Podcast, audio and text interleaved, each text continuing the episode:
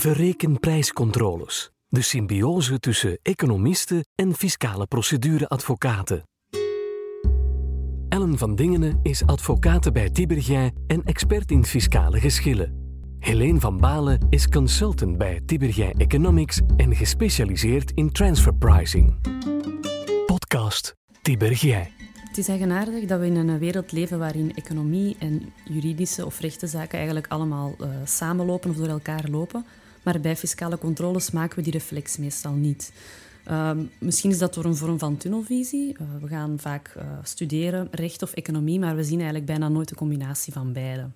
Nu, als we dan gaan kijken naar verrekenprijzen, dat is dan um, transfer pricing in het Engels, TP afgekort, en fiscale procedure. Twee domeinen die totaal van elkaar vanaf liggen, um, toch op het eerste zicht. In praktijk worden die ook afzonderlijk behandeld, uh, en, en, en de ene door advocaten, de andere door economisten.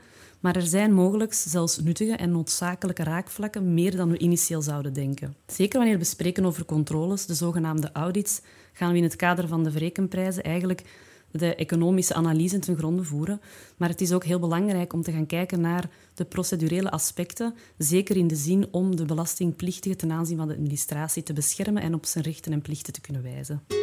What's in it for me? Wij trachten vandaag duidelijk te maken dat TP en procedure best vanaf het begin hand in hand gaan omdat wij overtuigd zijn dat dit de beste begeleiding en bescherming geeft aan diegenen die geconfronteerd worden met een TP-audit. Wat zijn onze plichten, maar eveneens wat zijn onze rechten als belastingplichtige ten aanzien van de administratie en wat zijn de aandachtspunten waarop wij moeten letten bij een TP-audit. In plaats van te wandelen op een slappe koord doorheen de TP-audit, proberen wij net die teugels strak aan te spannen om een controle zo elegant en efficiënt mogelijk te laten verlopen, waarbij uw belang voorop wordt gesteld.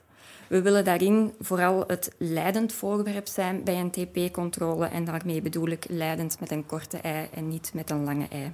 En als we beide krachten kunnen bundelen, dus zowel TP als audit samen bij elkaar, dan zijn wij ervan overtuigd dat wij voor u een meerwaarde kunnen bieden.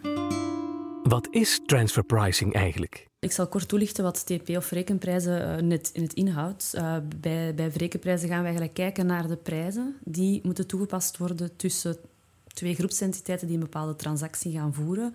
En die twee groepsentiteiten behoren tot dezelfde groep van ondernemingen, waardoor vraag en aanbod, dus de vrije markt, eigenlijk niet gaat spelen. Die transacties kunnen dan zijn uh, goederen die verkocht worden aan elkaar, het leveren van diensten, IT, management, administratie, leningen. En er zijn tal van andere voorbeelden, maar ik denk dat dat wel schetst wat het uh, juist inhoudt. Nu, procedure uh, dat laat ik aan Ellen uh, toe om, om toe te lichten wat dan het inhoudt in deze optiek. Wat verstaat men onder procedure? Ja, voor ons is het heel gemakkelijk wat procedure is. Om dat te omschrijven is dat iets moeilijker. Maar je zou het kunnen samenvatten als een soort verzameling van regels met rechten en plichten zowel van de belastingplichtigen als van de fiscus en vooral ten opzichte van elkaar. Hoe moeten zij zich gedragen ten opzichte van elkaar en waaraan moet iedereen zich houden, opdat een fiscale controle eerlijk en vooral ook volgens de wet uh, zou kunnen verlopen. Eigenlijk procedure, wat zijn dat? Ja, dat zijn de spelregels zoals bij een gezelschapsspel, om het heel kort samen te vatten. In welke optiek zijn TP en procedure twee verschillende domeinen? Als we dan gaan kijken, de twee domeinen zijn verschillend. Um, hoe komt dat? Ik denk enerzijds, uh, je hebt het economische versus juridische handelen. Ik zelf heb rechten gestudeerd, dus ik ben eigenlijk opgegroeid, om het zo te zeggen, met dat juridische denken. Maar ik miste de economische insteek in zaken. Dus tijdens het solliciteren ben ik dan gaan kijken van oké, waar kan ik die economie terugvinden? En zo ben ik in, uh, in transferpricing beland, waarbij ze mij eigenlijk gezegd hebben van kijk, het enige wat je moet hebben is een gezond boerenverstand. Waarom? Om te kunnen gaan kijken kritisch naar feiten, omstandigheden die bepaal, op bepaalde omstandigheden plaatsvinden. Uh, dat kan zijn een bepaalde industrie. We hebben nu bijvoorbeeld gezien met de recente covid-crisis dat de ene industrie veel harder geïmpacteerd is dan de andere. En dan kan je gaan kijken van oké, wat is de impact op die prijzen tussen die groepsentiteiten. Dus dat is puur vanuit een, uh, vanuit een economisch denken. Daarnaast is, is TP ook gewoon heel feitenspecifiek. En dan gaan we zien dat er eigenlijk weinig wetsartikelen zijn die voor ons dan een juridische houvast bieden om op terug te vallen, zeker als het dan gaat over de spelregels. En dat is nu net hetgene dat het onderscheidt van het procedure. Want procedures zijn nu eenmaal allemaal regels waaraan dat we ons moeten houden. En ik heb zelf enkel een juridische opleiding genoten en het is daarin wel altijd gevaarlijk om een soort van tunnelvisie ehm, te creëren, omdat je enkel natuurlijk maar kijkt naar de regeltjes en iedereen moet zich houden aan de geest van de wet en aan de letter van de wet. En laat ons zeggen, het economische, dat is eigenlijk denk ik iets waar dat de juristen totaal niet aan denken.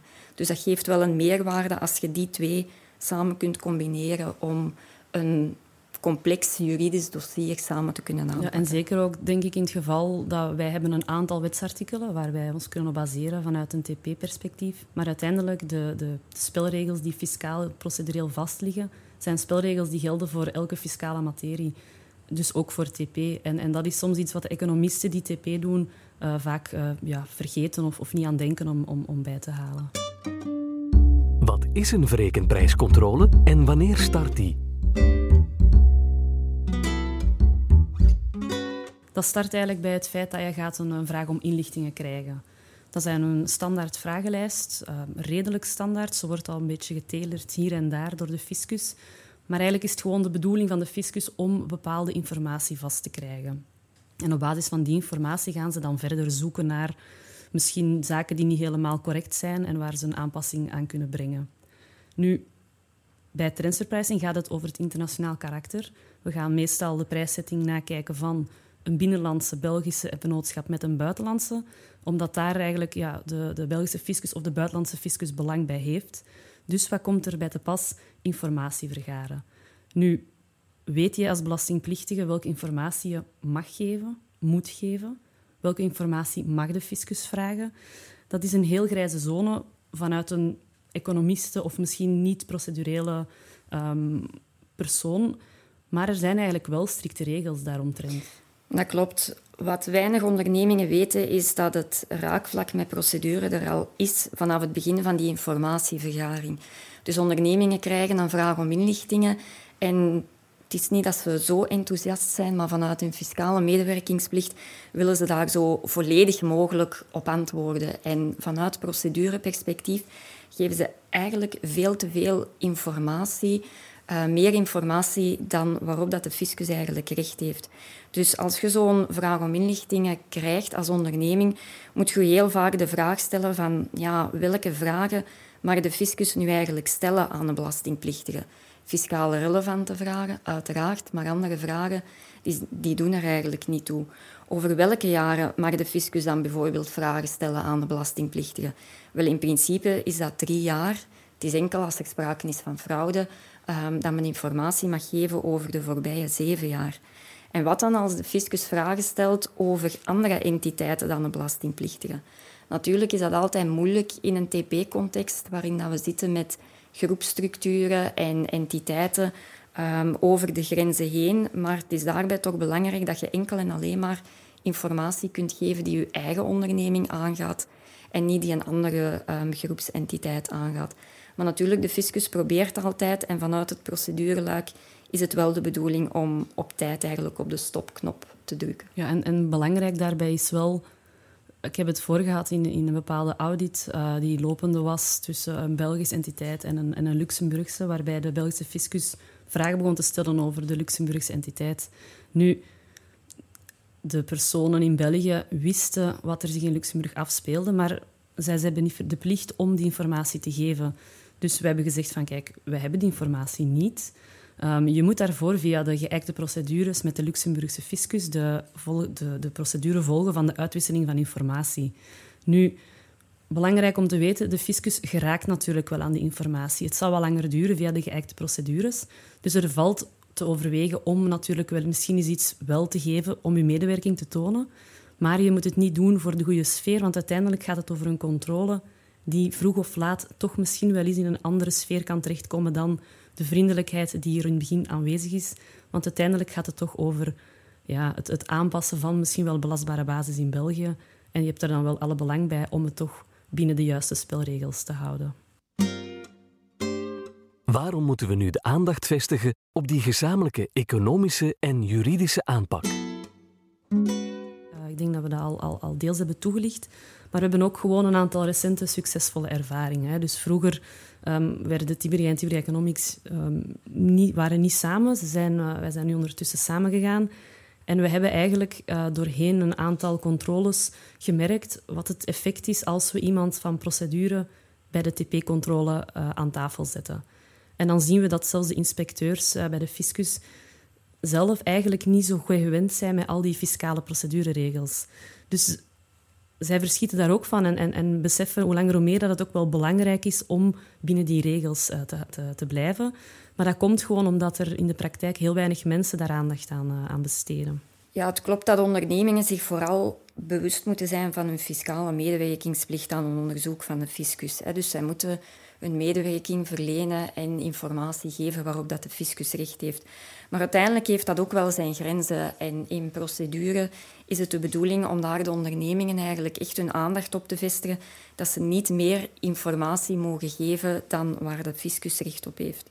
En het gebeurt wel eens dat belastingplichtigen de vragen van de fiscus op hun eentje, zonder enig advies van iemand, uh, trachten te beantwoorden en daarbij zoveel mogelijk informatie gaan geven aan de fiscus. En dan hebben we het niet alleen over onbeperkt in de tijd, als ook fiscaal niet relevante informatie, waardoor het kalf eigenlijk al bijna verzopen is, zoals we het zeggen, indien we pas later tussenkomen um, in een controle. Want het is dan heel vreemd om plots ja, op uw strepen te gaan staan, zullen we maar zeggen, om uw onderneming eigenlijk te gaan informeren en te zeggen van kijk, u mag niet zoveel informatie geven. U heeft dat nu wel gegeven, dat hoeft niet, dus we gaan daar nu wel een rem op zetten. Ten opzichte van de administratie komt dat eigenlijk een beetje neer dat je een stap terugzet, dat je minder wilt meewerken uh, met de administratie, maar eigenlijk in feite is dat zo niet. Je staat gewoon op je strepen en je past de regeltjes toe en je zorgt ervoor dat de fiscus gewoon binnen de lijntjes blijft kleuren en er zeker niet buiten gaat. We hebben dat inderdaad ook al gedaan, waarbij uh, de, we eigenlijk aan een later, in een later moment uh, aan tafel komen waarbij een, een, een, andere adviseur niet is geslaagd om tot een, uh, tot een akkoord te komen met de fiscus. En we dan eigenlijk gewoon binnen zijn gekomen en gezegd van kijk, dit zijn de spelregels waarin we gaan, uh, gaan, gaan ageren, zonder uh, daarvan af te wijken. Maar dat is gewoon ook duidelijkheid voor zowel ons, de belastingplichtige, als de fiscus. Dat wil daarom niet zeggen dat de fiscus um, dat niet zou aanvaarden. Dat is gewoon op een duidelijke manier rond de tafel gaan zitten. Een ander momentum dat we eigenlijk gekozen hebben om daar nu aandacht aan te schenken, is eigenlijk gewoon de toenemende mate waarin verrekenprijscontroles plaatsvinden. Wat zien we bijvoorbeeld? We hebben de TP-auditcel, de specifieke eh, cel binnen de fiscale administratie dat daarvoor bevoegd is. Zij hebben van een aantal jaren ondertussen zijn ze denk ik van een, neem een drietal mensen naar misschien wel vijftien, twintigtal mensen gegaan. Dus ze zijn enorm gegroeid um, om, om die materie te gaan uh, behandelen. Maar het is niet alleen die cel die ondertussen controles op verrekenprijzen zal doen. We zien ook de, de Centrum voor Grote Ondernemingen, die tijdens gewone fiscale controles um, zich ook durft wagen op het gladde ijs van transferpricing. Uh, de lokale inspecteurs, maar ook de BBI, hè, de Bijzondere Belastingsdienst, uh, die gaan zich ook focussen op transferpricing. En dan denk ik dat, dat we misschien eens moeten kijken naar maar wat is de bevoegdheid van de BBI? Zijn zij überhaupt toegelaten om op de materie van transferpricing te gaan controleren. De BBI, inderdaad, de Bijzondere Belastinginspectie, is een gespecialiseerde dienst binnen de FOD van Financiën die echt op zoek gaan naar fraude. Wij noemen hen ook wel eens de, de echte fraudejagers. En die mogen een onderzoek doen uh, zeven jaar terug in de tijd. Nu, het is niet omdat er TP-matig iets verkeerd is gelopen of dat er vragen zijn over een of andere TP-transactie, dat het dan ook per se fraude is. Dus die twee worden samen wel eens uh, in één en hetzelfde woord genoemd, maar het ene sluit het andere uh, zeker niet uit. Nee, die verwevenheid binnen de FOD Financiën die komt echt wel tot uiting tijdens controles. We hebben eigenlijk recent een vraag gehad van een, uh, van een, van een onderneming waarbij we drie jaar geleden, denk ik, een TP-controle gedaan hebben met de TP-auditcel zelf. Die controle is afgesloten. Nu hebben zij een, uh, een BTW-controle en een, belasting, een vennootschapsbelastingcontrole lopende, waarbij eigenlijk de BTW-controleur iets heeft opgemerkt in de grootboeken dat misschien niet helemaal in overeenstemming, overeenstemming zou zijn met de goederen of de diensten onderliggend, waarbij eigenlijk zij de vraag hebben gesteld van oké, van waar komt die mismatch hier in jullie grootboek?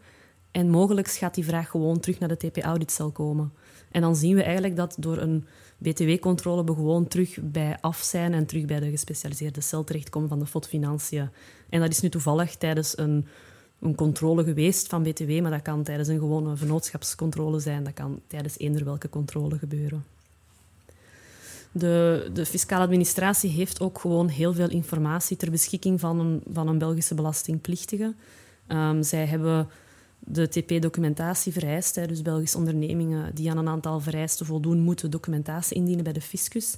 En de Belgische fiscus heeft dat natuurlijk zo opgesteld dat het vooral het invullen is van cijfertjes. Zij steken dat in een computerprogramma en ze doen daar datamining op. Dus ze komen eigenlijk gewoon wel al heel veel te weten, um, gewoon ongeacht dat ze nu langskomen of niet. En uiteraard gebruiken ze die datamining om dan te gaan kijken van, ah oké, uh, die bedrijven hebben veel verliezen gemaakt afgelopen jaar, daar gaan we eens een bezoekje aan brengen om dat na te gaan. We hebben natuurlijk ook hè, de uitwisseling van informatie met andere uh, fiscussen wereldwijd. Kunnen ze ook wel aan heel veel informatie geraken als ze willen. Vaart de cliënt hier wel bij? Het voordeel van iemand van met een TP-achtergrond en een fiscale procedure-achtergrond samen aan tafel te zetten, is effectief um, voornamelijk zorgen voor die strikt juridische afbakening binnen de grijze zone dat TP eigenlijk is. We hebben al gezegd, het is een hele feitenkwestie waarbij heel veel informatie wordt opgevraagd van Belgische en buitenlandse ondernemingen. En dat kan eigenlijk in alle kanten uitdraaien. Je kan veel geven, weinig geven. En daarom is het eigenlijk heel belangrijk dat er iemand van fiscale procedure bij is. Enkel en alleen om vooral die juridische afbakening te, te maken. En er praat op kan gaan dat de rechten eigenlijk beschermd worden van de belastingplichtige ten aanzien van de administratie. Wat misschien helemaal het, het, het relevantste maakt, is eigenlijk vooral... Er wordt in, in controles heel vaak compromissen gesloten met de fiscus. Dat is zeker aan te raden. Als dat kan, graag.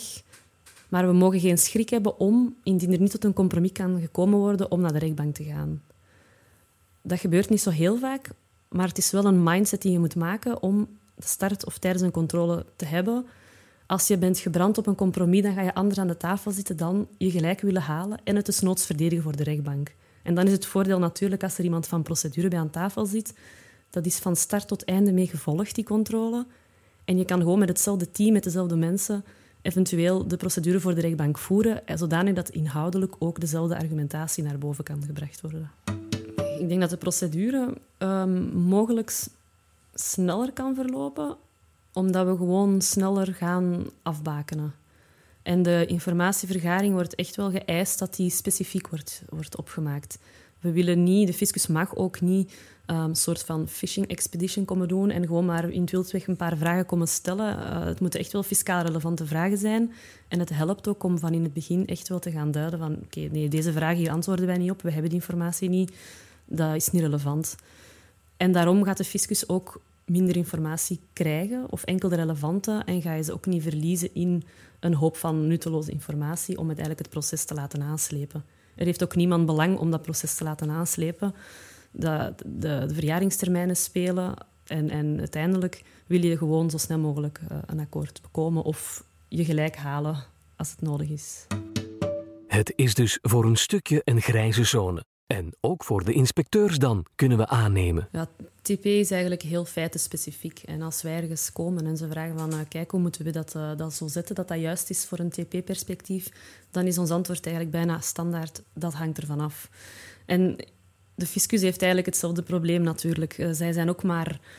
Zij kunnen hun analyse maar maken op basis van de informatie die ze krijgen. En wij als adviseurs gaan uiteraard naar de bedrijven, gaan de mensen interviewen, gaan vragen stellen welke activiteiten er effectief worden uitgeoefend, om op die manier de juiste TP te kunnen bepalen. Nu, de fiscus is eigenlijk wel in die optiek met zijn handen gebonden. Uh, zij zijn in de mogelijkheid om die vragen te gaan stellen bij die mensen zelf, bij al die werknemers. Um, ik weet zelfs niet of ze het juridisch mogen, maar ze hebben er ook de middelen niet voor. Bij bijvoorbeeld Amerikaanse uh, fiscus zien we dat wel, dat zij wel effectief de interviews gaan doen. En, en, en dat blijft wel het, het, het, zwakke punt bij de Belgische fiscus. En dat is dan zeker in de zin van bewijslast om, om eigenlijk te gaan aantonen waarom een bepaalde TP uh, niet juist zou zijn volgens hen. Uit de praktijk. Qua bewijslast is er wel een recente uitspraak geweest van het Hof van Beroep in Gent, denk ik, waarbij de fiscus de zaak verloren heeft omdat ze eigenlijk niet hebben kunnen aantonen uh, dat het functioneel profiel van de entiteit in strijd zou zijn met de informatie die de belastingplichtige kan opleveren. En dat gaat dan over uh, contracten die gesloten zijn met de groepsentiteiten, over um, kopies van uh, de notulen van de Raad van Bestuur bijvoorbeeld. En, en de fiscus heeft, heeft in die rechtszaak, we weten natuurlijk niet de specifieke feiten, we hebben de samenvatting gelezen, maar in die uh, rechtszaak heeft fiscus het wel verloren, omdat ze niet voldoende informatie konden opleveren om het tegendeel te bewijzen. Wat ergens wel aantoont, of hebben ze hun huiswerk niet gedaan, of hebben ze de mogelijkheid niet gehad, dat weten wij natuurlijk niet. Maar dat toont wel aan dat ze wel een, uh, soms wel een moeilijke bewijslast uh, op hen hebben liggen. Ze kunnen niet zomaar zeggen van... Ze proberen dat natuurlijk hè, naast hun neer te leggen. Maar als, als er documenten zijn die aantonen dat de belastingplichtige inderdaad zijn activiteiten zo uitoefent, is het aan hen om het tegenbewijs te leveren. En dan wordt het soms moeilijk om, om dat tegenbewijs te leveren als je niet, zoals adviseurs, effectief met de mensen kan gaan spreken en, en alle details kan gaan uh, uitpluizen. Ik denk ook voor rechtbanken en hoven van beroep dat het heel moeilijk is om uitspraak te kunnen doen in TP-discussies, omdat rechters natuurlijk ook enkel, denk ik dan toch maar, een juridische opleiding hebben genoten en geen economische opleiding hebben genoten. En dan gaan zij eerder vastknopen aan de regeltjes en de procedureregeltjes die er bestaan. Dus als de fiscus effectief wil taxeren, moet dat wel op een bepaalde rechtsgrond zijn. Dus als er inderdaad dan iets schort in die bewijslast of zij kunnen uh, bepaalde documenten niet aantonen van waar dat die komen, ja, dan wordt dat puur bewijsmatig eigenlijk ja, weggeveegd of dan wordt dat eigenlijk een probleem. Dus het is zo rechters die toch altijd toch nog wel ja, hun, oordeel gaan vastknopen aan het juridische en minder aan het economische. En er zijn ook gewoon weinig rechtszaken die hierover handelen. Uh, dus misschien als er meer zijn, dat de, dat de rechtbanken en de hoven hier meer over gaan weten of studeren en dat daar in de toekomst toe misschien veranderingen aan, aan zullen komen. We zien op internationaal vlak uh, zijn er wel landen waar wel heel wat rechtszaken lopen uh, over TP. Dat gaat dan over de hele grote multinationals bijvoorbeeld. Uh, maar ook uh, Denemarken, Finland zijn landen waar wel TP-zaken lopen en waarbij de rechters vermoedelijk wel al meer kennis zullen hebben dan de, de Belgische rechtbanken. En nog een praktijkvoorbeeld om dit te duiden. Een van de zaken die, die geregeld voorkomen is dat de fiscus uh, binnenkomt bij bedrijven die een aantal jaren op rij verlies maken. Waarom is dat zo? Omdat natuurlijk uh, vanuit een TP-perspectief kan je dan onmiddellijk gaan argumenteren dat er iets mis is met jouw TP, omdat je verlies maakt. Een bedrijf, volledig standalone, zelfstandig, gaat natuurlijk meestal geen tien jaar verlies maken. Dat is niet houdbaar en die gaan failliet en daar houdt het verhaal op. Als dat natuurlijk gebeurt met een entiteit met, wat deel uitmaakt van een multinationale groep, dan kunnen we uiteraard terecht de vraag stellen van waar komt dat verlies? Dat staat ook zo in de, de, de OECD-TP-guidelines. Dat is eigenlijk onze bijbel. Dat is niet wetgevend, uh, maar wel um, richtinggevend en wordt door de meeste landen uh, gevolgd. Ook door de, door de fiscus wordt dat gevolgd. Daar staat ook een paragraaf in dat in principe entiteiten niet uh, levenslang verlieslatend kunnen zijn, natuurlijk. Maar zij spreken zich niet uit of dat kan of niet. Ze zeggen gewoon, het zou niet kunnen dat ze voor altijd verlies zijn. Als we dan gaan kijken naar uh, een voorbeeld dat we in de praktijk effectief hebben gehad, een bedrijf met x aantal jaren verlies, uh, de fiscus komt binnen en zegt van kijk, die verliezen, uh, wij gaan niet akkoord, wij zetten die allemaal op nul. Dan kunnen we zowel fiscaal, procedureel als TP-matig naar kijken. TP-matig gaat het effectief over het feit, is die verlies te wijten aan UTP? Nu, in ons geval hebben wij kunnen aantonen dat dat bedrijf, oké, effectief, een opstart van een nieuw product, is niet gelukt. Een paar jaren verlies gemaakt. Oké, dat kan gebeuren. Hè. Dat heeft iedereen wel eens, een, wel eens een keertje voor. Zij hebben dan een nieuw product proberen te promoten, een nieuwe marketingcampagne, dat product wat goedkoper op de markt brengen, om proberen dat marktaandeel te verwerven. Ja, dan maak je weer kosten natuurlijk, blijf je in verlies. Maar eigenlijk zijn de jaren van verlies op te delen in een aantal cycli. Ze hebben dan de pech gehad dat er in de industrie iets is voorgevallen, waardoor er natuurlijk slechte economische omstandigheden op de markt waren. Opnieuw twee jaar verlies. Dat wil niet zeggen dat die entiteit daarom niet kan blijven bestaan en dat die NTP fout is. Nee, er zijn effectief economische redenen voorhanden waarom dat, dat bedrijf zoveel jaar verlies heeft gemaakt. Het komt er gewoon op neer om het economisch te gaan opsplitsen en te gaan kijken van oké, we hebben hier die en die reden voor. En dan kan de fiscus dat zomaar niet naast zich neerleggen. En procedureel gezien denk ik dat er, dat er inderdaad ook heel wat over te vertellen valt over dat punt. Als wij dat inderdaad puur vanuit procedure gaan bekijken, dan is het zo dat de opnulzetting van verliezen altijd pure willekeur is. De fiscus heeft wel de bevoegdheid om de herkomst of de oorsprong van verliezen te controleren. Um, in de jaren waarin dat die verliezen ook effectief worden aangewend. Hè, dus vanaf het moment dat uw onderneming uh, winst draait, maar waarbij dat winst toch gecompenseerd wordt met de verliezen, dan mag de fiscus de, de oorsprong van die verliezen wel gaan controleren. En de oorsprong kan perfect twintig jaar geleden zijn dat die verliezen zijn ontstaan. Maar dat betekent nog niet dat de fiscus ook het recht heeft om die verliezen van twintig jaar terug zomaar te gaan verwerpen en op nul te gaan zetten. Dus in dat geval moet de fiscus zich altijd wel houden aan de gewone onderzoekstermijnen en aanslagtermijnen.